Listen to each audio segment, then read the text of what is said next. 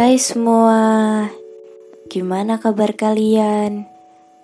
Hah, kurang lebih. Ternyata sudah satu bulan aku nggak buat podcast, nggak ngomong-ngomong sendiri, dan ya itu rasanya sedikit membuat kangen karena di tengah kesibukan akhir-akhir ini banyak banget hektik emosi, dan ya seperti yang kalian alami sendiri di tahun 2020 ini. Banyak menyisakan air mata, walaupun tidak kita pungkiri juga banyak kebahagiaan di sela-sela kesedihan yang kita alami. Hidup juga gak berputar buat kita aja, jadi kita gak boleh egois. Aku rasa semua orang juga merasakan hal yang sama di tahun 2020 ini. Tahun di mana kita dipaksa untuk bertahan sekuat mungkin. Bukan lagi tentang diri kamu sendiri. Bukan lagi tentang tahun berkembang, bukan lagi tahun maju. Kalian bisa bertahan sejauh ini aja sudah hebat. Hebat sekali. Di awal 2020 aja, kita sudah tahu banyak cobaan yang datang kepada sahabat-sahabat kita.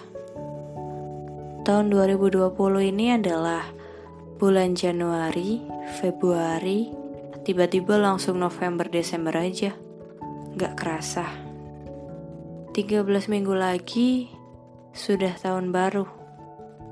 Siap gak siap, yakin gak yakin, kita harus tetap yakin kita akan memasuki tahun yang benar-benar baru di tahun depan. Tahun dengan kebiasaan baru, tahun-tahun di mana kita bisa menciptakan momen-momen baru lagi bersama orang yang kalian sayang, tentunya. Sementara itu, kita habiskan dulu tahun bertahan ini. Bertahan sekuat mungkin ya. Karena tahun 2020 ini adalah tahun kehilangan juga.